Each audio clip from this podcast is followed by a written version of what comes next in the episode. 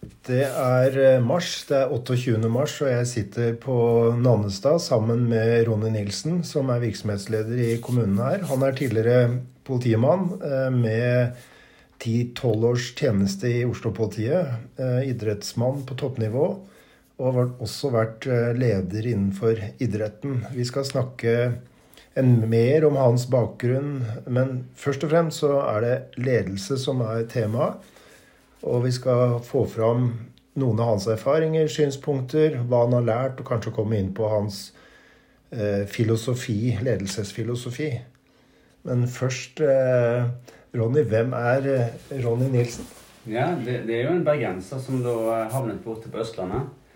Så jeg er da 50 år gammel. Jeg er i Bergen så vokste opp med bror og familie. Og nå har jeg sjøl stiftet min egen familie. Jeg er gift og to ungdommer på 19 og 22 år. Mm. Eh, og jeg bor i Lillestrøm. Der har jeg bodd nå siden eh, 2000. Mm. Så sånn rent familiemessig så, så har jeg aktive barn. Mm. Eh, vi er også aktive, vi eh, foreldre i tillegg. Når det gjelder eh, eh, det oppveksten og utdanning, så, så har jo jeg eh, Så valgte jeg det som var samfunnspolitisk linje på okay. videregående, eller på gymnaset, Ja. som det heter gangen der. Ja. Eh, og bakgrunnen for at jeg valgte det, var allerede da fordi jeg så for meg at eh, politiet kunne være veien å gå. Mm. Så det, det var egentlig ganske sånn tidlig valg. Ja. Hva, hva var det som lå bak det, den tanken og si, det, det målet? Jeg syns politiet virket veldig spennende. Mm. Det å få lov til å jobbe med mennesker i alle typer situasjoner, Ja. Det syns jeg var interessant. Så det var egentlig hovedbakgrunnen for at jeg da valgte samfunnspolitisk linje. Mm. Eh, og så, så ble det Garden på meg, og Oslo. Eh, og der fikk jeg muligheten til å være med en politipatrulje på kveldsvakt ja vel. på Majorstua. Takket være en, en i familien min som på den tiden var eh, sjef på Majorstua. Oh, ja. Uh, og etter den kveldsvakten der, så, så var jeg enda mer klar for å søke. Så da søkte jeg Politihøgskolen, og kom, kom inn på Politihøgskolen da jeg var 21 år. Så da gikk jeg i første kullet på den nye høyskolen. Skjønner. Ja. Det betyr Var du ferdig i 96 da, eller? Da var jeg ferdig i 95. 95, ja. Mm. Så gikk vi samtidig med de som uh, hadde, den, uh, hadde Politiskolen, da. Ja. Den gamle eh, etatsutdannelsen. Så det var jo en det var en interessant endring i politiet. da. Ja. Selv om jeg tror nok mye av hvordan Politihøgskolen så ut på den tiden, er også preget av etatsskolen. Ja. Så har jo nok ting endret seg betydelig siden det. Mm. Det er jo en uh, game changer, den, uh, den uh, på skal vi si, endringen i utdanningen der. Mm. Men hva slags type var gutten Ronny liksom i Bergen? Hva, hva var det han holdt på med? Du ble spydkaster også på nasjonalt og, og internasjonalt nivå. Du måtte være god til å kaste snøball. Jeg var ingen 20-gutt. da. Jeg var mer en stril. Ja vel. Fordi jeg vokste opp i nordre del av, av Bergen, i Åsane. Mhm. Men det er klart i forhold til eh, spydkastingen, så jeg hadde en veldig god kaster. Den, eh, og det samme med min bror også, så jeg vet ikke hvorfor genene ligger der. Men, eh, men jeg hadde en god kaster, og etter hvert så så fatt også den lokale friluftsklubben interesse. Mm. Jeg sjøl syntes det var spennende å kaste. Jeg hadde også drevet med turn og, og fotball. Ja.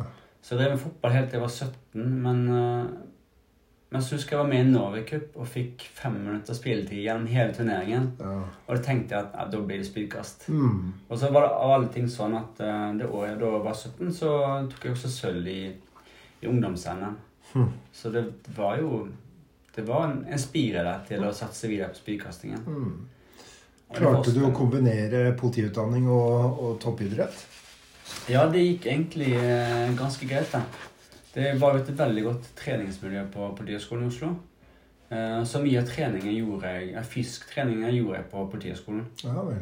Eh, selve kastingen og treningen det var for det meste på Sognsvann. Mm. Så jeg brukte jo toppidrettssenteret i alle år, egentlig, så Mm. lenge jeg var på med spydkast. Mm.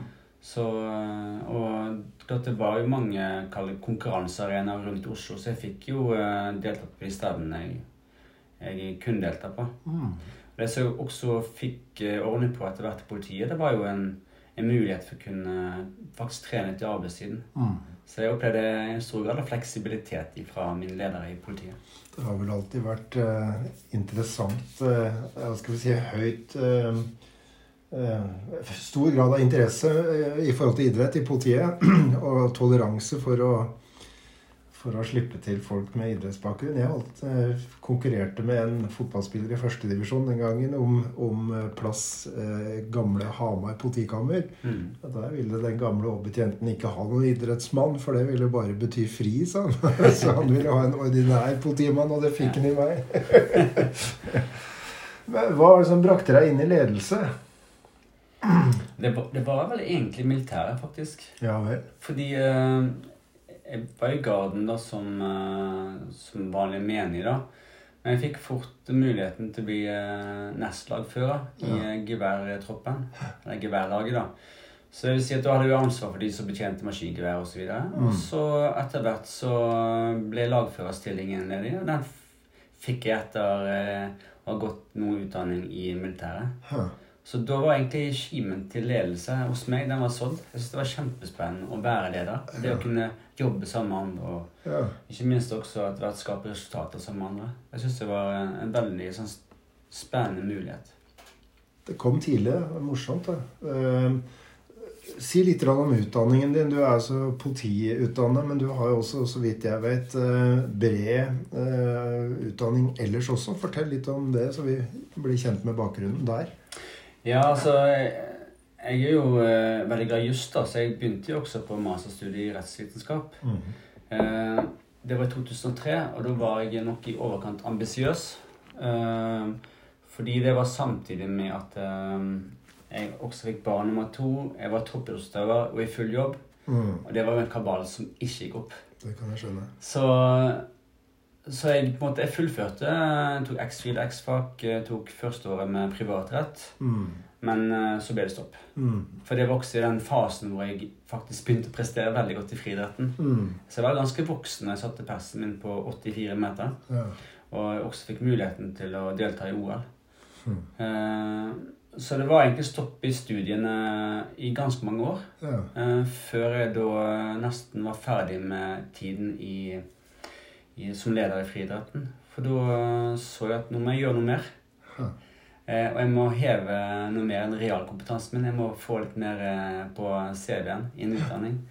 Så tok jeg også konflikthåndtering ved juridisk fakultet i Oslo. Mhm. Og så tok jeg, jeg holdt på med toårig program i prestasjonsledelse ja eh, på Universitetet i Sørøst-Norge og i samarbeid med Olympiatoppen. Så der ble jeg også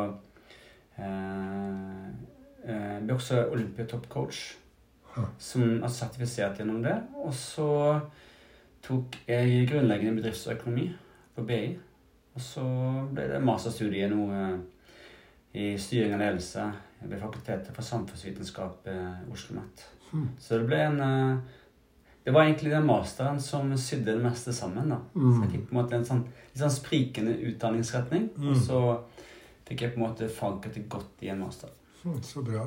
Men du mener at eh, det må til noe mer kunnskap enn kun erfaring da, for å eh, stille sterkt som leder? Tenker du det?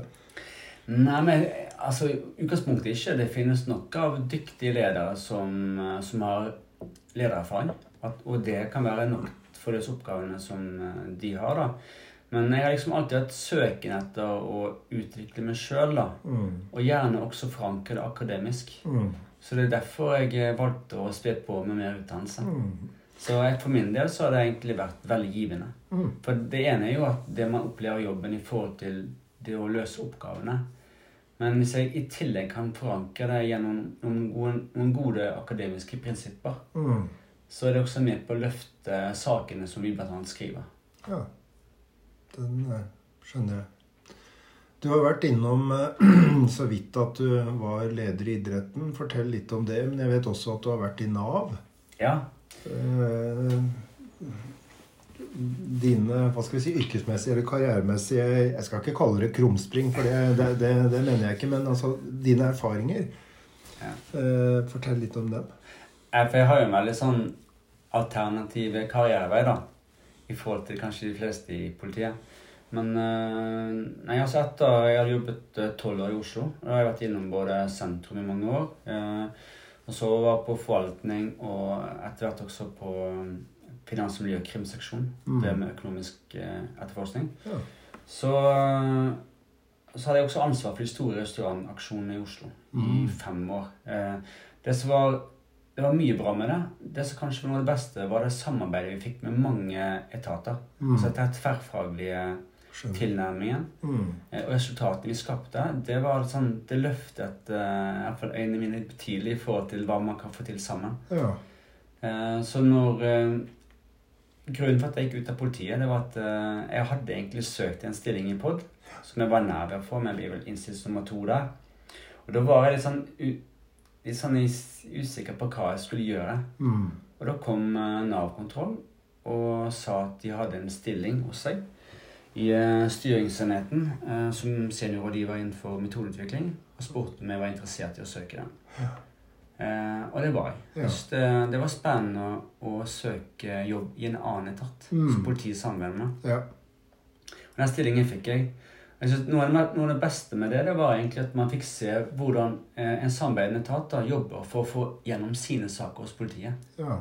For ofte så er det en ganske sånn trang kanal. Mm. Det skal mye til, det var i hvert fall sånn før, for at politiet tok inn saker og prioriterte eh, de sakene.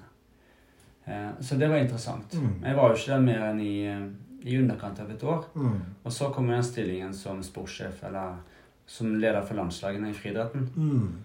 Eh, og den var jo veldig interessant for meg med tanke på lederbakgrunn, og at jeg sjøl hadde vært involvert i friidretten nesten fram til eh, Mm. den oppstarten.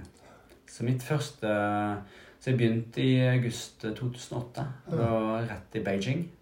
Men det var mer som en type kall det observatør, en del av teamet. Mm. Eh, for da hadde vi en sportssjef som da skulle fullføre eh, sin olympiade. Ja. Hvor Eh, lenge var du i, eh, leder, sportssjef i Frihetsforbundet? Det var jeg i hele åtte år. Så jeg fikk jo med meg eh, tre OL, mange VM og EM. Og, Mm. Og så jeg det også ansvar for eh, parautøverne som er i Paralympics og VM for funksjonshemmede. Så det var eh, en kjempespennende tid. Ja. Veldig mye reising. Mm. Eh, opplever hele verden, alle kontinentene. Skjønner. Eh, men tenkte da at det her var på en måte veldig spennende der og da. Og så var det også godt å på en måte komme hjem til familien etter hvert. Ja. Som jeg gjorde i den nye stillingen. Mm. Så eh, i den fasen her så, så var det en kjempespennende mulighet, og så var det, var det godt å avslutte den muligheten. Mm. Nå er vi altså i Nannestad kommune, som du jobber som virksomhetsleder i. Mm. Si litt om kommunen, og si litt om den virksomheten du leder. Ja, altså dette er jo en kommune som vokser veldig raskt. Når jeg begynte her for fem år siden, så var det 2 500 nei, 12 500 mennesker. Mm. Nå har vi passert 15 000. Ja, Så dette er en av de kommunene som vokser raskest i landet i forhold til eh, befolkningen. Okay. befolkningsprosenten. Så det, vi ligger vel på mellom 3 og 4 økning hvert eneste år. Og det er ganske betydelig. Mm. Det betyr også at eh, det gir både muligheter og utfordringer for kommunen. Ja. Eh, utfordringer i forhold til å rigge en kommune som kan ta vare på så mange nye innbyggere. Mm. Så det, det kjenner vi på, da. Så, og det er også en kommune som Nå leder jeg to virksomheter. Ja. Eh, jeg er jo ansatt utgangspunktet som kultursjef. Mm. altså leder for virksomhet kultur med rundt 30 ansatte. Og så har jeg da siste halve året vært konstituert som leder for kommunal drift også, med 70 ansatte. Ja. Eh, og det betyr jo at eh, her er det fullt trøkk fra morgen til kveld i denne stillingen her. Ja. Eh, og, det, og, og som en av de oppgavene vi har, så har vi nå laget en ny enhet i, i kommunal drift som, som er ansvarlig for eiendom og prosjekt. Og vi har store prosjekter gående nå, med bygging av nytt kommunehus, nytt, ny svømmehall, Oi. et nytt kulturtun. Og så har vi også andre store prosjekter på gang. Så det betyr jo at eh, det er stor aktivitet i, i kommunen. Hvordan ser en typisk arbeidsdag for deg ut, hvis det går an å tenke seg en typisk arbeidsdag? Ja, akkurat nå ser er det kanskje litt sånn atypisk, ut, siden jeg har to virksomheter og det trøkket som vi har nå. Men, men stort sett så er jeg på jobb rundt eh, åtte om morgenen, og så går det egentlig ganske gjert fram til eh, fire-fem. Mm. Eh, og så kan det bli én til to timer også jobbing på kveldstid. Mm. Og i tillegg, spesielt gjennom kulturdelen, så har vi mye eh, kontakt med frivillige. Så det betyr også at det blir en del møteaktivitet på kveldstid, i tillegg til, til politiske møter. Ja. Og de er både på dag og kveld. Så det, det, er, en, det er en stilling med mye aktivitet. Mm. Går det an å spørre om hva fortellingen var om eh, Kulturetaten da du eh, starta her? Hva slags inntrykk hadde du av den? Det var jo egentlig veldig interessant, da. fordi for, jeg tror for første gang så var jeg faktisk på en egen befaring før jeg var på andreangsintervjuet i en stilling her. Mm. For å bli kjent med kommunen. Mm. Eh, og det er jo en kommune altså For de som ikke er fra Nannestad eller kjenner Nannestad, så er det en kommune som ligger veldig tett opp mot Gardermoen. Det er nabokommunen til, eh, til Ullensaker og Gjerdrum. Eh, og det er en kommune som har mye jordbruk og Mm. skogbruk. Samtidig er det også en kommune som er veldig interessant i forhold til næringslivet. For vi ligger så tett inn på Gardermoen. Mm. Så det, det er flere nye områder som er avsatt til, eh, til eh, næringsvirksomhet. Så det er et område som vokser betydelig også i kommunen.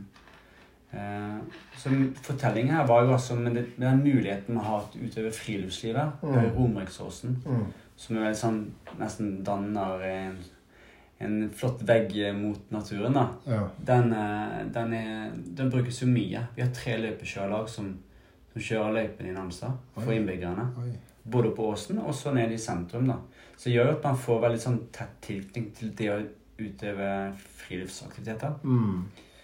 Eh, så i forhold til det å gå inn som kultursjef her, så var det veldig spennende. Fordi, eh, og sånn i den stillingen som jeg har, da, så har jeg også ansvar for idretten. Mm. I noen kultursjefstillinger så er det utelukkende kultur man jobber med. da. Mm. Mens jeg har liksom det brede spekteret av, eh, av fritidsaktiviteter i tillegg. Mm. Så det var, eh, det var egentlig Jeg så på det som en spennende mulighet. Mm. Det tok jeg, da. Og fikk muligheten. da. Hva, hva slags eh, tanker har du om den strategiske utviklingen av den etaten du leder? Det er det som er Vi har laget en strategisk plan. Mm. Og så oppi all den viraken som vi har nå om dagen, da. Så det å jobbe strategisk nå, det er utfordrende. Ja. Fordi man blir så spist opp av, av møtevirksomhet, saker Mm. Eh, som skal fremmes politisk, saker som vi skal følge opp i etterkant av at de er vedtatt. Så det å jobbe strategisk akkurat nå, det er litt utfordrende. Mm. Eh, men eh, i forhold til den strategiplanen vi laget på kultur, da, så, så var vi sånn veldig tydelige på at det her skulle være verdibasert. Mm. Vi, vi lagde våre egne verdier i tillegg til de som kommunen hadde. -hmm. Eh, hvor vi involverte alle eh, ansatte. Mm. Eh, hvor vi da satte opp Kanskje jeg tror vi hadde nesten ti verdier som vi valgte mellom. Mm. Og så var det de fire verdiene som fikk flest stemmer, som vi gikk for. Mm. Og så har vi også i etterkant snakket litt om hva de verdiene faktisk betyr for oss. Mm. At vi er sånn omforent med at det er sånn vi skal ha det hos oss. Så det, det syns jeg var veldig nyttig. Og jeg tenker at Det er den måten man skal jobbe med verdier på i tillegg. da. Mm. Med å få de gode innspillene. Mm. Eh, få de tilbakemeldingene fra de ansatte i forhold til eh, hva dette her betyr. da. Enkelte verdi, men også hva det betyr for, for laget vårt. Mm. Bruker dere verdiene i, på en måte i, i daglig drift, og, og at det er levende verdier? Det er levende verdier. Men nå har vi ikke endret dem siden vi eh, fikk de forankret i 2019. Mm. Eh, og så har vi gjort en del endringer i organisasjonen. Så det kan godt være at vi kommer til å ta en ny runde nå for Mm. å se om, om bør vi gjøre noen justeringer her nå. Mm. Det kan godt være vi får inn noen nye innspill fra de nye ansatte, blant annet. Så det, det er, en, det er nok en vei som jeg tenker vi må gå fremover. Mm. Jeg har alltid vært så interessert og nysgjerrig på hvordan eh, en kommunal leder tenker i forhold til innbyggerne og det å skape gode liv for innbyggerne. Går det an å utfordre deg på det? Ja, absolutt. Og det, og det syns jeg er litt sånn spennende i forhold til det å komme fra politiet og idretten da, til en kommune. Det kommer liksom ned på det grunnleggende. Mm. For det er kommunen som gir tjenesten til innbyggerne, og som skal ha de tjenestene som innbyggerne fortjener. da. Vi er jo til for innbyggerne. Ja. Det er det vi er. Så det er en kjempeoppgave. Og det som jeg opplever også i forhold til det, da, det er å, å, å være en del av en stor organisasjon som skal tilrettelegge for gode tjenester til innbyggerne, men innenfor de rammene som vi har tilgjengelig. Mm. Og den kjenner jeg nok eh, en del på innimellom. Fordi eh, innbyggerne har jo også store forventninger til hva kommunen kan levere. da. Mm. Men det er ikke alltid vi kan levere. Eh, basert på de ressursene vi har. Så eh, det har jeg kjent på ganske mange ganger. Så det, vi prøver Vi jobber hardt for å snu på enhver krone for liksom å sørge for at vi har de ressursene som skal til for at vi kan følge opp innbyggerne våre. Spennende. Skal vi gå litt over til eh, politi og politiledelse, men også inn på idretten og ledelse i idretten. Mm eh, Det er spennende å snakke med deg nettopp fordi du har så, så brei bakgrunn og, og ledererfaring fra flere virksomheter, ulike sektorer. Mm. Hva, hva er dine erfaringer fra knyttet til ledelse og styring i politiet? Hva, hva syns du karakteriserer det du opplevde mm. eh, knytta til ledelse og styring i politiet? I forhold til ledelse så må jeg nesten svare for, fra mitt ståsted. da. Ja. Eh, og eh, jeg var jo førstbetjent. Det var vel rundt fem år i politiet. Mm. Så da jobbet jeg mye på den utøvende delen. da. Altså Jeg var tett på prosessene i forhold til det jobb på gaten, akuttledelse osv. Førstelinjeleder. Ja, Ja. veldig. Ja, virkelig. Så det var, det var, det var egentlig det området jeg eh, i, i hovedsak eh, hadde erfaring fra. Men i tillegg så samarbeidet jeg også med øverste politiledelsen i Oslo i forhold til eh, restaurantkontrollene. Nettopp. Fordi dette her var satsingsområdet i, i politiet. Og det gjorde jo at uh, en del av de uh, både evalueringen som beskrev etter dette, her, det ble jo også lagt fram for eh, politiledelsen etter hver aksjon. Så tilbakemeldingene var jo så Det jeg opplevde da underveis, da, det var jo at uh, det var dedikerte ansatte eh, i politiet Ja. som, som fulgte opp oppgavene på en god måte. Så den organiseringen som jeg opplevde den var generelt bra. Mm. Og så er det sikkert forbedringspunkter der også, annet som er meldt inn gjennom eh, NOU osv. Mm. senere. da. Men eh, min opplevelse av lederne i politiet er at, de, eh, at det er ledere som virkelig står på og brenner for de oppgavene som de har. Mm. Ja, De skal løse oppgavene på en god måte for innbyggerne. Ivareta sikkerheten og, og ikke minst også forebygge kriminalitet. Hva syns du, eh, slik din erfaring er, da, hva, hva er politiledere spesielt dyktige til? Den, den opplevelsen jeg hadde når jeg jobbet selv i politiet, det var jo på en måte den førstelinjeledelsen. Mm. Fordi dette her er jo på en måte veldig sånn oppdragsbasert. Eh, Det ene er at man eh, altså, det er jo også, Jeg har enorm respekt for den type ledelse. Mm. Fordi den, den skal du løse med de ressursene den informasjonen du har tilgjengelig der og da. Mm. Altså Mye av det andre ledelsen som, som vi ellers driver på med, der har vi tid til å forberede de gode sakene, Mm. hvem som er ansvarlig osv. Mens eh, eh, på akuttledelse, eller førstelinjeledelse, så, så har du det du har tilgjengelig. Ja. Så klart, Det som er viktig der, er jo uansett da, å, å være forberedt. Du Mm. skal være trent. Eh, du vil helst ha tilgjengelig utstyr da, for å kunne løse oppgavene. Men, men jeg har veldig respekt for den formen for ledelse. Mm. Eh, og jeg tenker også akkurat den formen for ledelse det er noe tatt med meg i alle senere yrker. Jaha, kan du si litt mer om det? Jo, for. For det interessante der er jo at uh, du måte du, har, du får sett samfunnets bakside. Mm. Eh, på godt og vondt. Du får se hvor sårbare mennesker kan være, hvordan de har det. Mm. Eh, og så kan du også se fæle ting. Eh, men måten du håndterer det på, da, det opplever jeg, det opplever jeg som, som veldig respektfullt når jeg var i politiet. Eh, og det å nettopp ta med den innsikten der, og også når jeg jobber i kommunen nå, da, og få en forståelse for hva som ligger bak, da, Mm. den situasjonen eh, innbyggerne våre står i, da. For, der, eh, for det Personer har ulik sosial ballast. Men det er nettopp å sette den siden også for politiet. Den har vært nyttig for meg. Mm. Det jeg hører, eh, det er at du snakker om eh, evne til situasjonsvurdering. Eh, handlekraft. Mm. Respekt for ulike typer mennesker og deres hva skal vi si, utfordringer og deres posisjon. Og så hører jeg kanskje også at lederskap har en ganske sterk kobling til faget, altså til yrket, til profesjonen. Mm. Eh, Jeg pleier å utfordre de samtalene her alle på um, Jeg bruker overskriften 'en fot i faget'.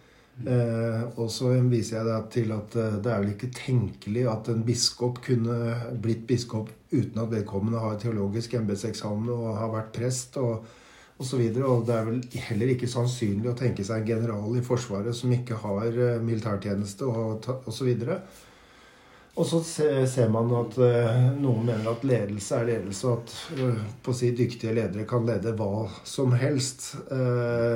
Og så tenker jeg at det er et eller annet med å forstå den konteksten man er i. Og, og førstelinjeledelse i politiet som du snakker om, den, den, krever vel da både kunnskap og forståelse og innsikt i politikonteksten og samfunnskonteksten. Er du enig i det? Jo, jeg er veldig enig i det. Altså, Man må forstå eh, totaliteten. Altså det komplekse i samfunnet. Mm. Det, det, tenker jeg er en forutsetning. Men også i forhold til førstelinjeledelse eh, og de ansatte som, som jobber eh, i ordenstjenesten så jeg tenker at de oppgavene kan ikke løses uten at du er trent for det. Mm. Eh, og så er det interessant det du sier i forhold til at eh, bare du er god på ledelse, så kan du lede, lede hva som helst. Det er både ja og nei der også. Bare se her i kommunal drift nå, da. Nå er det 70 ansatte. Jeg har en helt annen bakgrunn mm. enn en alle andre som jobber her. Mm.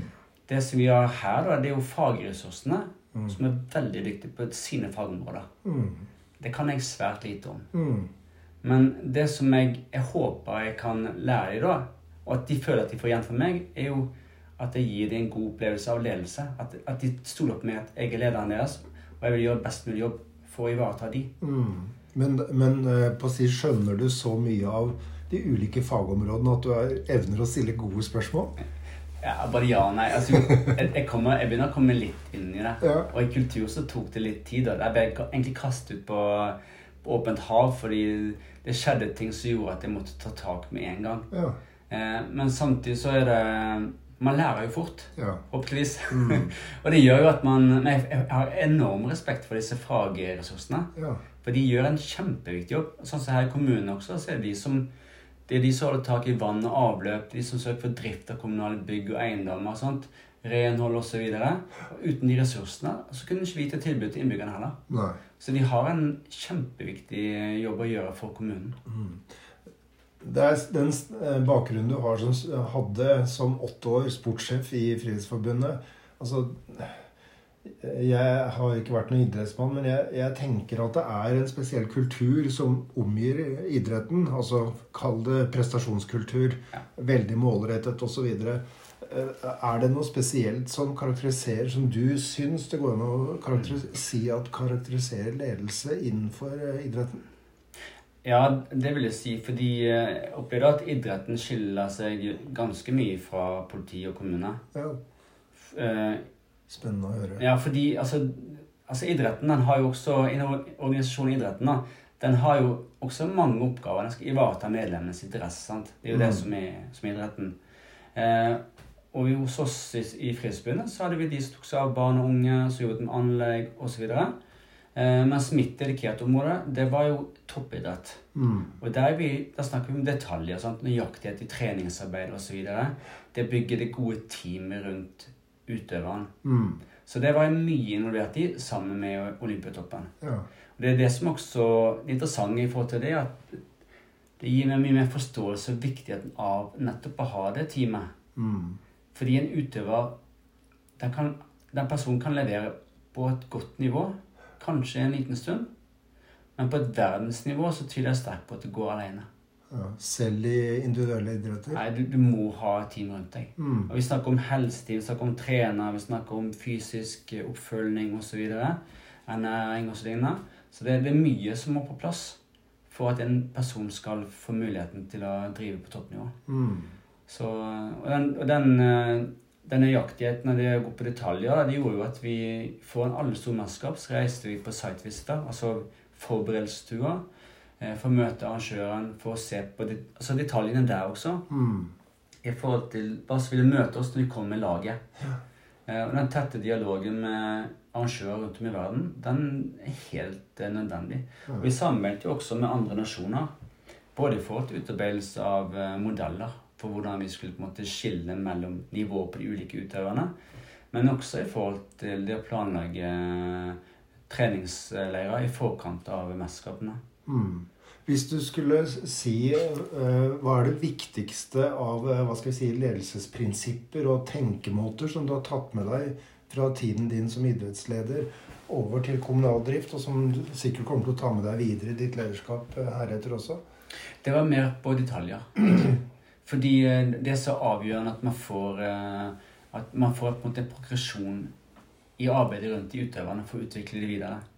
Så det var veldig spennende. Så det er det ene. Eh, det andre var at jeg også Der hadde jeg liksom et sånn totalansvar for alt i landslaget. Altså pressekonferansene. Sørget for at innimellom så hadde vi også med oss egne pressefolk. da. Men ellers det jeg de eh, oppdragene sjøl. Eh, til å reise på tur kanskje 70 personer. Mm. Altså hele teamapparatet pluss utøverne til deg. Så det, det, å håndtere mange mennesker mm. eh, i andre nasjoner Altså på reiser til andre kontinenter osv.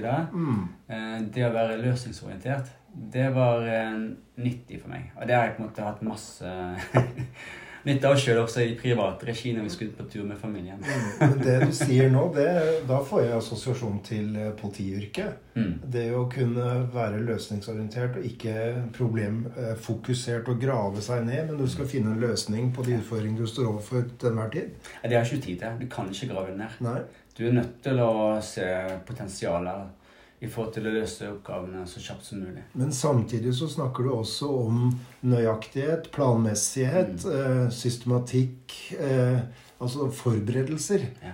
Eh, så det er en sånn Når jeg hører deg snakke nå, så er det en sånn blanding av gode forberedelser og evne til å ta hva skal vi si, snu seg om å ta beslutninger der og da. Ja, og det tenker jeg også henger gjennom det som, den tiden jeg hadde i politiet. Mm. Nettopp fordi altså også når vi kjørte disse store restaurantkontrollene, så var jo det, det var lange forberedelser før vi kjørte aksjonene sammen med etatene. Mm. Eh, og den eh, lærings... Jeg tar med for politiet tok jeg også med i idretten og bruker den dag, dag i dag. Mm. Så det her har jo overføringsverdier. Vi går over til å snakke litt om, om temaet ledelse, som vi allerede har vært mye inne på. eh, det er jo et eh, litt sånn fluffy begrep. Det betyr på en måte alt og ingenting. Du kan legge mye i det. Eh, jeg har jo hengt meg opp i noen eh, teoretikere, og jeg har en canadier som en av mine helter, altså Henry Minsberg, som snakker om at ledelse er en praksis. Han sier at det har islett av å være kunst, altså det med visjoner og kunne improvisere og være kreativ det er et håndverk, for det er en visse ting du skal kunne gjøre. Men også er det vitenskap, og der kommer planer og systematikk og analyse og en del sånne ting. Hvor, hvor er du hen i landskapet? Hva, hva, tenker du om ledelse? Jeg, jeg har sagt tidligere, men jeg syns ledelse er kjempespennende. For meg så, så handler jo ledelse om å, om å, skape resultater gjennom eller sammen med andre. Mm. Og det er jo de ansatte. Ja. Eh, jeg kan bare glemme at jeg som enslig leder skal løse oppgaven alene. Så, så, for meg så har ledelse alltid handlet om å, om å, bygge det gode laget. da. Ja. Eh, og det kan gjerne være folk som eh, har forskjellig bakgrunn, men i forhold til hvor komplekse oppgavene våre er. da. Mm. Eh, så, og det har jeg hatt nytte av både i, eh, både i politiet og idretten og der jeg nå. Mm. Så den var i politiet også, så var jeg, jeg var kanskje litt sånn småfrekk da, men jeg så jo fort hvem som var dyktige i mm. jobbene, spesielt i samarbeid, på tvers av eh, andre stasjoner i Oslo. Så jeg var mm. ganske hyppig ute og spurte om de hadde lyst til å begynne hos meg når jeg leder stillinga. Ja. Eh, og så er det sånn også der jeg, der jeg er nå, da jeg husker, Det her sier jeg ofte på intervjuene, altså, men, men, det jeg ønsker da, det er jo spesielt to ting. Jeg ønsker kompetente folk. Mm. Og så ønsker jeg å ha inn folk som fungerer sammen med de andre. Ja. Eh, og får vi ikke det, så får vi utfordringer. Mm. Eller vi kan få utfordringer. Så det er viktig å ha de, de to eh, grunnpilarene på, på plass mm. med ansatte folk. Og så er det også sånn at hvis du rekrutterer inn flinke folk, så kommer du til å miste flinke folk. Mm. Så det henger sammen, da. Mm. Men vi håper vi holder det så lenge som mulig, så vi kan på en måte eh, bruke den ekspertisen de har, da. Eh, og samtidig at de også kan føle at de får noe igjen for å jobbe hos oss, mm. før de eventuelt går videre. Så i løpet av fem år så har jeg fått inn mange flinke folk, og så har jeg mistet noen underveis da, mm. som har begynt i andre stillinger. Men, men, sånn er det. Det er en del av en arbeidsplass. Hvordan vil du eh, i generelle vendinger beskrive ditt eget lederskap? Det, vet du hva, Jeg leste en bok nå nettopp, uh, 'Jegerånden til forsvarssjefen'. Ja. Uh, jeg syns den var interessant, for jeg trakk den fram egentlig tre ting. Uh, jeg kjente meg veldig igjen i boken. da, men jeg trakk fram tre ting i boken da, som jeg syns er veldig bra. Det er det her med å være tilgjengelig, Ja. å være til stede, Mm. og, og å være tydelig. Ja. Akkurat det der kjenner jeg veldig på, på i dag. Mm. Fordi i den jobben jeg har nå med så mange gjøremål, så får jeg innimellom problemer med å være tilgjengelig. Ja. Jeg klarer ikke helt å være til stede heller når jeg er i enkelte sammenhenger med de ansatte. Og så spørsmålet da, da hvis man da er tydelig, er, det, er man da tydelig på en måte som, som gjør at de ansatte føler seg vel? Just dette her var akkurat det vi trengte. Mm. Eller blir det sånn at eh, Hva mente jeg egentlig med det? Mm. Han var tydelig, men hva mente han egentlig med det? Mm. Var det noe negativt? Så det er liksom Dette her må henge sammen, da. Mm. Så, så jeg er bare nødt til å gjøre noen ting i forhold til det også. Jeg husker For 14 dager siden nå så sendte jeg en melding til mine ansatte, som jeg da har personalansvar for. Det er 15 stykker. Det er både leder og stab. Og beklaget at jeg, eh, jeg var ikke helt den sjefen de fortjente akkurat nå. Fordi jeg, jeg hadde så mye å gjøre i den, i den tiden der. Det er litt bedre nå, da. Men jeg hadde så mye å gjøre at jeg var bare nødt til å gi beskjed om at uh, dette her er ståa akkurat nå. Um, og jeg beklager at jeg ikke helt klarer å være en, god leder for dere. Mm. Eh, og at jeg har noe å jobbe med. Og så må jeg gjøre noen nødvendige grep. da. Det har jeg begynt å gjøre nå. Altså Det jeg hører nå, det er at du er en reflektert eh, Eller en leder som reflekterer over ditt lederskap, og som tar en, et skritt tilbake og, og, og, gjør en liten analyse av hvordan er status nå, og hva må jeg gjøre, liksom. Har du en eller annen systematikk på det, eller kommer det når du føler at nå er jeg nødt til å vurdere ståa og eventuelt endre kurs eller bygge på med noe eller noe sånt? Ja, altså, det, det er både ja og nei. Det ene er at jeg sjøl følte at uh, nå, nå er det på tide å uh, sette foten ned. Ja. Nå må jeg på en måte komme med den beskjeden til ansatte. For jeg, for jeg merker også at det skjer noe i organisasjonen. Du får en litt sånn uh, Ikke en engstelse, men, og heller ikke en form for utrygghet, men, men samtidig så er folk litt sånn spørrende. ja. Og det gjør at eh, Ja, men dette her er ikke et bra tegn, da. Så da må vi, da må vi gjøre noe med det. Mm. Men, eh, men i forhold til det du sier også når det gjelder om jeg har en sånn rutine på det da, Det som jeg i hvert fall har lært, da, spesielt for idretten, er at du har jevnlige evalueringer Mm. av hvor vi er til enhver tid, Mm. og vi må gjøre justeringer underveis. Og det har jeg hatt veldig nytte av. Mm. Og det er også noe jeg har gjort mange ganger i, eh, som leder. da. Hvis jeg på en måte prøver å høre på ulike sider av perspektiver av det du har snakka om nå, så hører jeg at lederskapet ditt både har et individuelt eh, perspektiv, jf. at du vurderer deg sjøl og evaluerer deg sjøl, men du har også, eh, det er åpenbart også et kollektivt perspektiv i og med at du vektlegger så sterkt samspillet med andre for å nå mål. Eh, på å si, Går det an å tenke seg vektskål? Altså hvor, hva er tyngst for deg? Er det mulig å stille et sånt spørsmål? Det der er interessant, da, fordi du nevnte Mintzberg. Ja, han snakker jo også om balansen på Mm. hesteskoen. Mm. Og jeg tenker det er den som er viktig. Å finne den rette balansen Ja. mot hva som er fornuftig eh, i forhold til det å løse oppgavene, Ja. kontra det å ta vare på de ansatte. Og den, den balansen den, er, den kan ofte være vanskelig. Men samtidig så er de ansatte. Hvis du ikke tar vare på de ansatte, så vil det gå utover eh, arbeidet med sakene våre i tillegg. Mm. Så det henger veldig sammen. Så man må sørge for at man finner den rette balansen i forhold til å spesielt ta vare på de ansatte. Det, er jo, eh, det går jo an å lage noen sånne hva skal vi si, sånn stereotypier på, på både ledere og ledelse. Altså Noen ledere er 'jeg', mens Mm. andre ledere er 'vi'. Og jeg hører at du er mye på 'vi'. Mm. At det er eh, oss og, og, som skal få til noen ting. Eh, og så tenker jeg at hvis eh, Jeg har veldig sans for en annen eh, teoretiker som heter Kint Greet. Eh, Kit Brint, en, eng en engelsk professor, Ja. som sier at hvis, altså ledelse er egentlig oppgaver og ansatte og ledelse. Og tar du bort en av de elementene der, så går det ikke an å snakke om ledelse. Mm. Mhm. Men, men tenk eh, på å si, hvordan ser en effektiv og dyktig leder ut for deg i dag? Nei, altså det, det er som jeg sier, at uh, hvis du ikke klarer å, å, å, bygge det laget og få de ansatte til å være med deg på disse oppgavene, så, så får du en utfordring. Mm. Så ganske kan også for idretten, da. Eh, vi så jo behovet der for å bygge laget. Uh, med masse individuelle utøvere. Mm. Folk som hadde, hadde, sine tanker om hvordan de skulle bli best. Så det som vi gjorde der, blant annet, det var at jeg inviterte den tiden leder for beredskapstroppen, Helge Meus, oh, ja.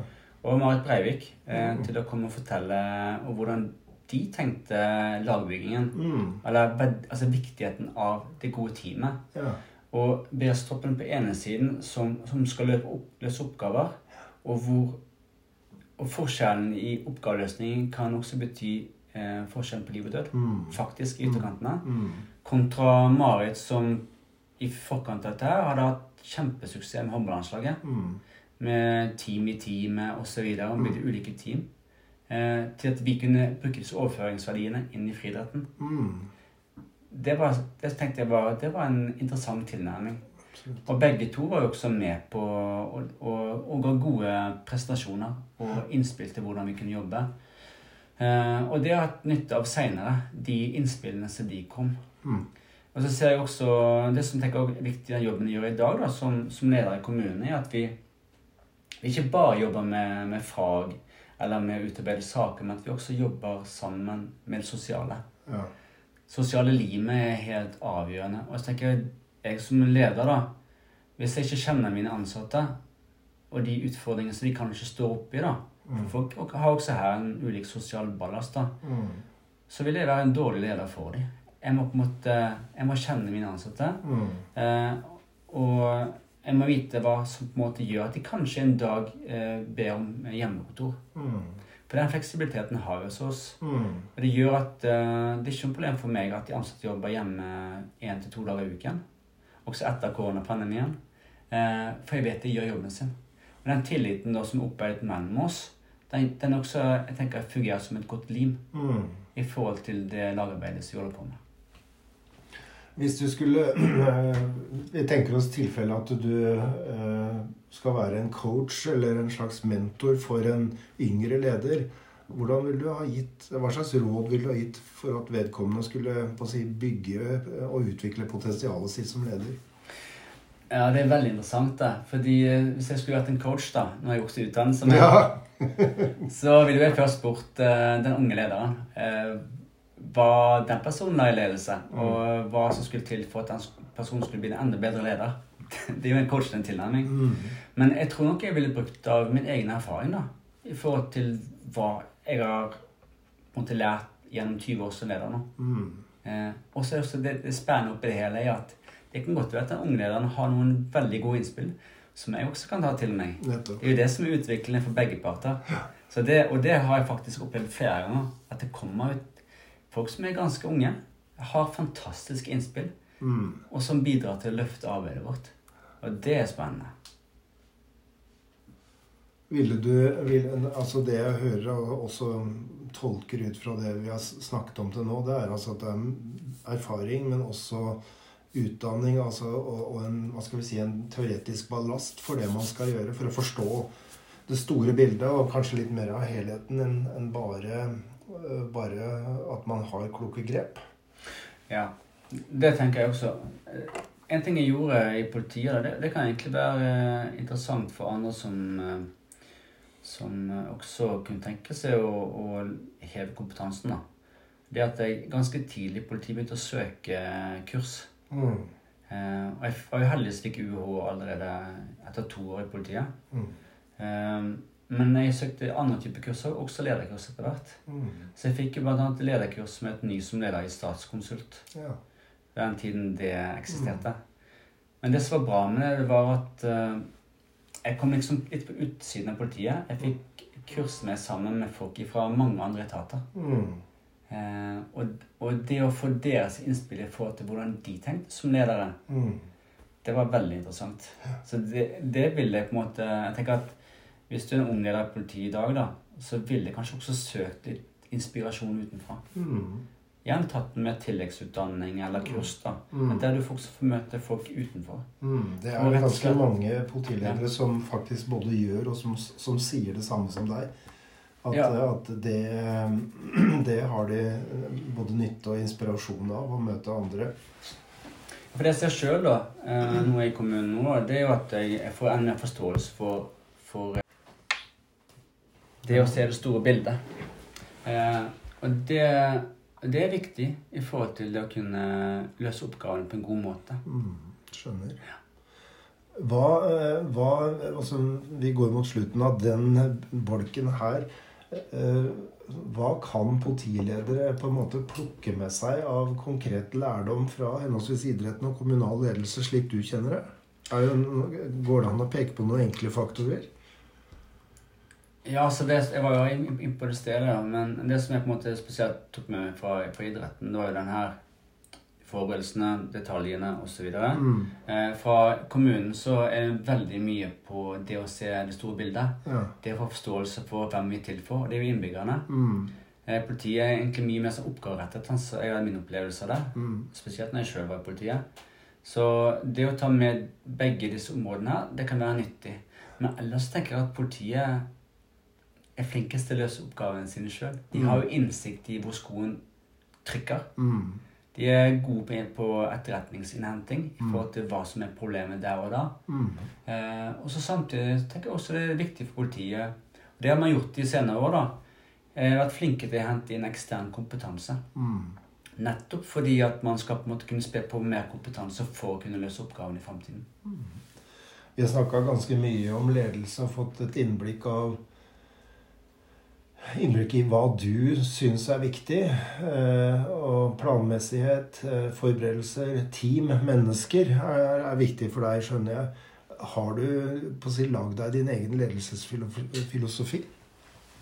Ja, jeg har det. Og jeg har faktisk, jeg holder på med et eget dokument eh, på det. Nå har jeg liksom vært leder i såpass mange år da, at jeg sitter inne med mye både skriftlighet og erfaringer. Så jeg, jeg jobber på en måte med min egen håndbok. da. Ja. som, eh, som på en måte sånn erfaring jeg har gjort opp gjennom alle årene. da.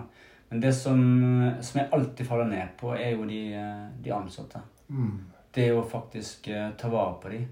Tidligere så i idrett snakket vi mye om at prestasjon og trivsel hang sammen. da. Ja. Presterer du godt, trives du bedre. Trives du godt, presterer du bedre. Mm. Og den er, den er gyldig også både i politiet og i, Ja. og i kommunen. Så har man det bra på arbeidsplassen, så leverer man bedre tjenester. Mm. Så det, det å se, se de ansatte, eh, det tenker jeg er superviktig. Jeg har to momenter her på, på noen temaer som, som eh, nærmest griper fatt i halen på det du sier. Eh, Ledere bør være glad i mennesker. Det er en påstand jeg har. Eh, på å si, Er du glad i mennesker? Er det viktig for deg? Ja, det er viktig for meg. Mm. eh, er man på en måte ikke glad i mennesker, så kommer man aldri til, til å på en måte bli en dyktig leder. Du må på en måte ha den empatien eh, og den opplevelsen av det å, å få folk med deg på en positiv måte. Ellers vil du slite. Mm. Og så har jeg en sånn eh, en liten sidesak der, da, for jeg leste også den boken om eh, Jørgen Klopp, treneren i Liverpool. Mm. Og eh, jeg husker han har sitert Det var en sånn samtale mellom han og en spiller. Ja. Eh, eh, og da sier han til spilleren at eh, vi, kan bli, vi kan bli gode kompiser, men vi kan ikke bli bestekompiser. For innimellom må vi ha noen vanskelige samtaler. ja. Jeg tenker at Den den er, sånn, den er en interessant tilnærming. Mm. Jeg vet jo at eh, Jeg husker fra tiden i politiet, og det var kanskje noen av den mest best sosiale delen eh, innenfor yrkeslivet gjennom alle år. Altså sosial, Den sosiale tilhørigheten i politiet, var helt fantastisk. Mm. Med at du på en måte Du jobbet sammen med folk, og så var du en del sammen med de på fritiden. da. Mm. Dette her var jo med på en måte de andre tjenestepersonene. Eh, men den er vanskelig å, å, å få på plass i andre yrker senere. Mm. Så den sosiale tilhørigheten i politiet tenker jeg var helt unik. Mm. Så akkurat, jeg, jeg misunner den delen der. altså. Det gjør jeg virkelig. Jeg tenker tilbake på det i dag, eh, Mm. med gode venner og alt. det var en uh, fordømt fin tid. Mm. Du sa at uh, I stad så sa du at uh, som leder så må du se dine medarbeidere. Kan du si litt mer om på å si, hva du faktisk legger i det, og hva du praktisk gjør? Som viser at Ronny Nilsen ser sine medarbeidere? Det handler, For min del så handler det veldig mye om å bli kjent med de ansatte. Mm. For kjenner du de ansatte, så merker du fort hvis noe ikke stemmer. Mm. Eh, så det, det å på en måte komme bak personen, da mm. Ikke bare bak personen som er på jobb, da, men, men forstå hva de, hva de familiemessig Hva de har stri med. Mm. Eh, det, det, det, er på en måte en fin tilnærming. Mm. Men så er det selvfølgelig også å være tett på da, underveis. Mm.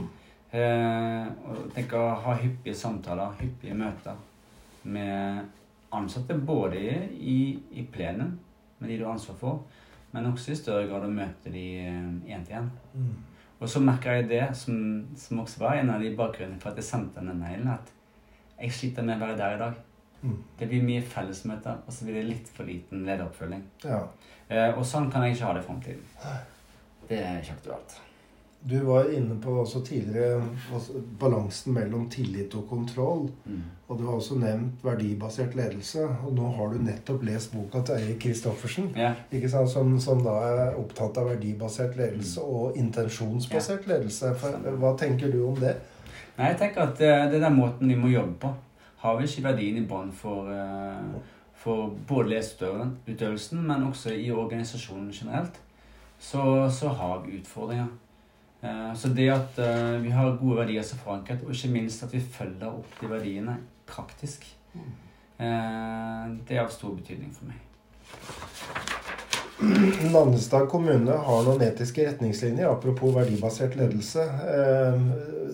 Fortell litt om, om hvordan du si, praktiserer de verdiene i, ditt, i din ledelsesutøvelse. Ja, De er ganske ferske, de etiske retningslinjene. Mm. Så de avløste noen som vi vel utarbeidet i 2016.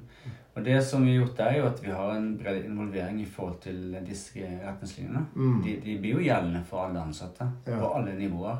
Og sier litt om, eh, om, hvordan vi i kommunen skal ha det. Eh, mm. Hvilke regler vi har forholdt oss til. Eh, og de bruker vi i en del sammenhenger. Der det er behov for det. Både i forhold til å Spesielt i forhold til det å være tydelige på hva vi forventer av de ansatte, men også lederne. Ja. Og så bruker vi det også dersom det er behov for det i forhold til eh, oppfølging Skjønner. av enkeltsaker. Så det har skjedd, og, men da er det godt at vi har på en måte utformet noe sammen. da. Mm. Det er litt sånn som når jeg, når jeg også var i, i friidretten, så hadde vi spilleregler. Eller samspillsregler, som vi kalte det. Mm. Og da var det sånn at de hadde vi utviklet sammen. Ja. Eh, og dersom man brøt de, så fikk det konsekvenser. Ja. Det var ingen vonde konsekvenser, men det medførte at uh, man f.eks. Uh, eh, måtte si unnskyld i plenum. Litt sånne ting. Ja. Men så hadde vi også skriftlig advarsler der det var behov for det. Mm. Så det var ulike nivåer. da. Mens disse her retningslinjene her, de er jo på litt annet nivå. Mm. Eh, for der er det et ris bak speilet dersom det skjer noe som ikke burde ha skjedd. blant annet. Mm. Det kan jo skje der det er mennesker under bildet. Ja og sårbare mennesker. Absolutt. Jeg har lyst til å utfordre deg litt på, på åpenhet i organisasjoner og tilbakemeldingskultur knytta til utøvelse av ledelse. Hva forstår du med de to begrepene? Åpenhet handler om at alle sammen skal få mulighet til å, å komme med innspill. Mm. Eh, det kan være enkeltting som at, eh, hvordan vi har det i, i kontorfellesskapet, til, til utarbeidelse av saker. Mm. Eh, og dette her skriver også Kristoffer som i boken sin. Og jeg er veldig enig i det, fordi det er klart hvis, hvis, hvis vi på en måte uh, skjærer noen bort da, fra det å komme med innspill til en sak, så kan vi gå glipp av viktig informasjon. Mm. Så det er også sammen min, Jeg ønsker at min, min, ledelse skal være ved at vi på en måte vi må tillate at alle sammen får komme med innspill. Det er da vi lager de gode sakene. Det er da vi lager de gode planene. Så det tenker jeg er den delen av åpenhet, i tillegg til den tilbakemeldingskulturen som handler om at uh, det skal være lov til å si din mening. Mm. Vi skal høyt under tak hos oss. Og det er også en åpenhet en av de verdiene vi har i vår strategiske plan. Mm. som er en av verdiene våre. Mm. En del organisasjoner har dette her som hva skal vi si eh, verdier som gjerne står på plakater. Og så kan det synes i en del tilfeller som om det er forskjell på teori og praksis. Mm. Altså at eh, kart og terreng ikke helt stemmer overens. Eh, hvordan tenker du en leder bør jobbe for å skape god åpenhetskultur og, og et tillitsbasert ledelse? Bare noen betraktninger rundt det. Jeg tenker at det, det må være en transparent arbeidsplass. Eh, Det er en arbeidsplass som, som skal være preget av tillit. da. Mm. Så det, jeg tenker at det, det er et fundament i hele organisasjonen vår. Mm. folk skal ikke være redd for å si sin mening. Eh, og jeg er veldig åpen med ansatte også at eh, dersom det er noe som på en måte bekymrer de, eller noe de ønsker å ta tak i, så må de bare komme til meg. Mm. Og Det kan også gjøre meg som leder. da, Litt sånn 360-evaluering. da. Mm. At man får tilbakemeldinger der som det er ting man sjøl må ta tak i. sant? Mm. Ikke alltid man ser det sjøl heller oppi en, Nei, nei. i en travel hverdag. Så, og det at man på en måte har den, eh, den åpenheten, det er noe jeg ivrer sterkt for. Så Mm. vi, vi, trenger, vi trenger folk som gir beskjed. Mm. Og folk som Jeg tenker at også, som jeg sier, at sakene våre de blir ikke bedre enn innsatsen vi sjøl legger ned i det. Nei. Og da må jo folk få muligheten til å komme med innspill. da. Som nettopp skaper eh, gode saker. Mm. Jeg er opptatt av et, eh, både hva skal vi si, et fenomen og et begrep, altså lederskapsskjønn.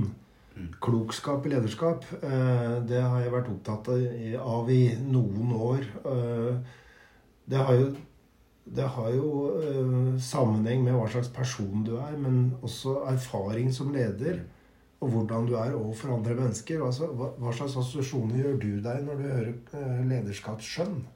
Jeg tenkte litt på det du sa der. Det blir jo en, det blir jo en sånn god miks av det man har Den erfaringen man tilegner seg både i forhold til utdanning, men også ikke minst i forhold til uh, hva man uh, opplever som, som leder over mange år. Mm. Uh, og så blir det der igjen å finne den balansen, da. Mm. For hva som er fornuftig i forhold til oppfølging av, av de ansatte. Og det som jeg, tenker oppi det hele, er at, at den fleksibiliteten som vi har, den åpenheten og den tilliten som ligger i organisasjonen, den ligger til bunn. Og så er det å fatte de gode beslutningene på bakgrunn av de, av eh, de oppgavene vi har, Mm. eh, og de tilbakemeldingene vi får ifra de ansatte. Mm. Eh, Og så tenker jeg ikke minst også noe som ikke er nevnt i sted, da, men som jeg hatt mye nytte av i idretten, det er jo eh, selve målprosessene. Hva vi jobber fram mot. da. Mm. Og Jeg kan også se, se på den, eh, den organisasjonen vi har i dag. da, er den på en måte den er rettet mot framtiden. Har vi en organisasjon som, som tåler Som på en måte vil være nok til å ivareta oppgavene våre fremover? Mm. Eller må vi gjøre endringer i forhold til det? Så det å faktisk være åpen for å justere kursen underveis, eh, gjennomføre endringer der det er behov for det, Mm.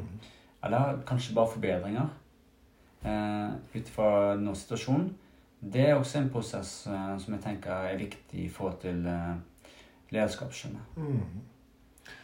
Det er en svensk professor som heter Mats Alveson, som sammen med kolleger har mm, brakt inn begrepet refleksivt lederskap. Altså det å se kritisk på både den kunnskapen man som leder har, men også det som man som ledergruppe har.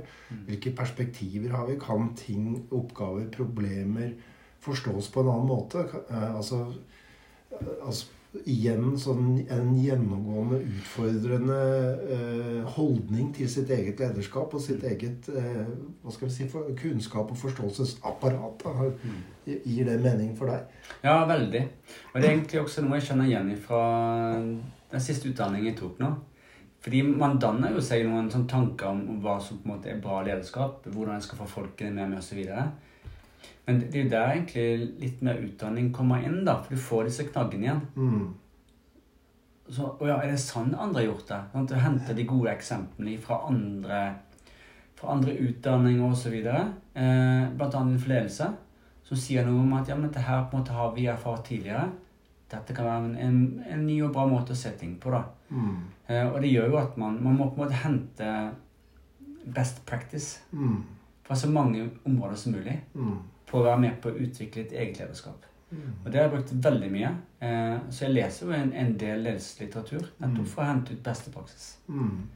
Mm. Men, men hadde det latt seg gjøre å altså Det er på en måte både å få en andre forståelse, men også ha en slags djevelens advokatholdning inn i ei ledergruppe.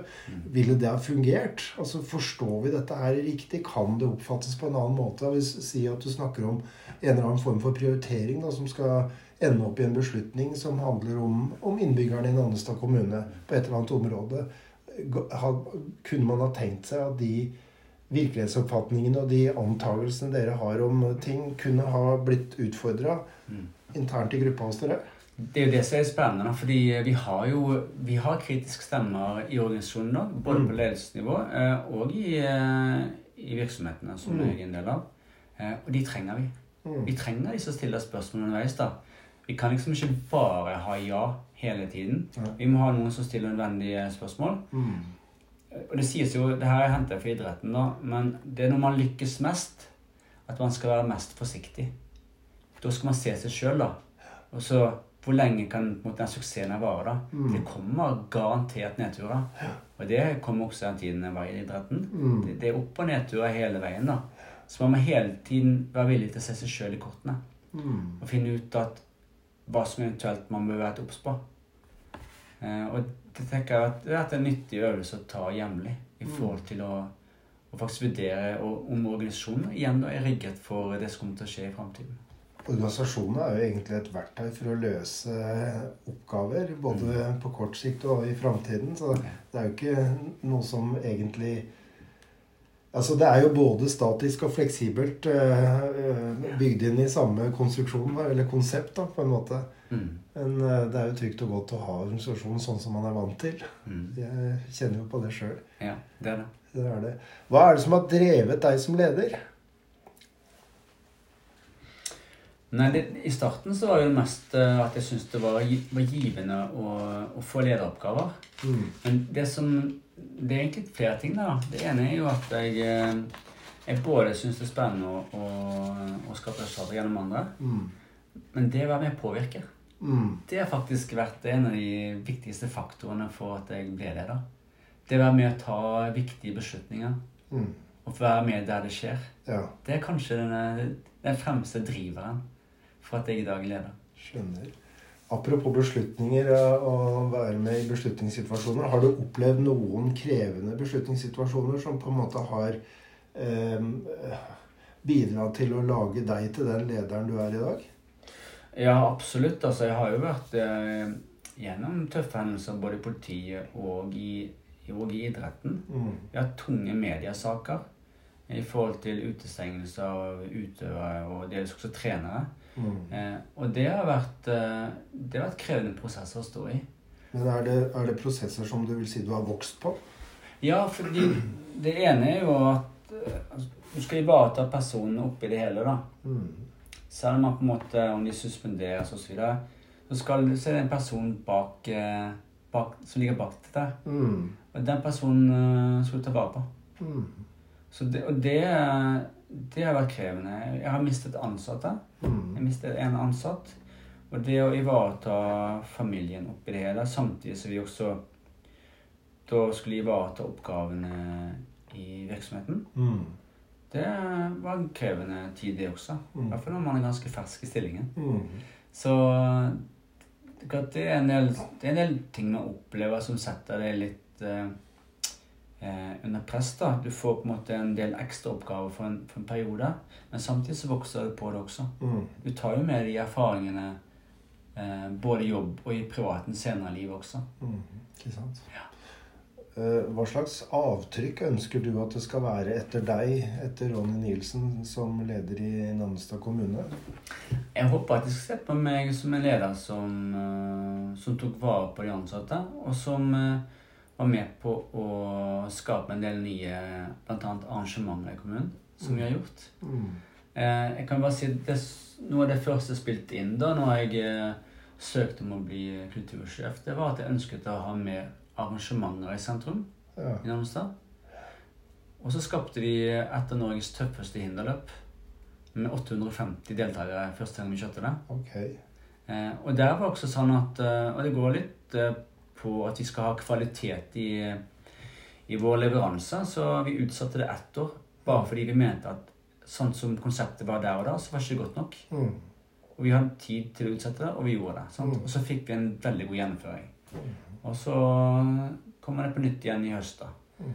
Så litt sanne ting. Det er å på en måte bygge opp under identiteten til Nannestad kommune. Mm. Som er på en måte en, en offensiv kommune. Ja. Som vi er, da. Gjennom masse tilflytning, masse nye prosjekter som er på gang. Men også med store arrangementer som sier at vi er ganske rå. Mm. Vi er Romeriks beste bostedskommune, Mm. som det står i vår eh, kommuneplan. Det Jeg håper jeg, har, jeg kan på en måte være en som man opplever som har vært medvirkende til at vi fikk til det. Ja, artig, artig, artig. Det var interessant.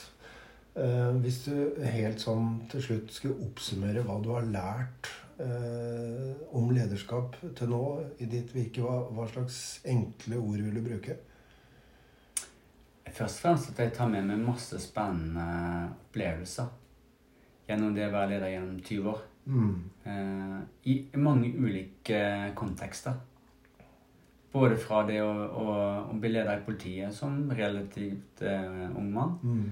til å sitte der innom med, med mange ansatte og, og komplekse oppgaver. Så det, det kan egentlig oppsummeres i eh, at jeg har på en måte en sånn fragmentert lederbakgrunn. Mm. Men eh, hvor jeg igjen står med, med de ansatte som hovedfokuset. Ja. For det er de som er viktige. Mennesket er viktige. Da setter jeg strek for samtalen og takker deg, Ronny Nilsen, for en veldig interessant og givende samtale. Tusen takk. Takk likeså.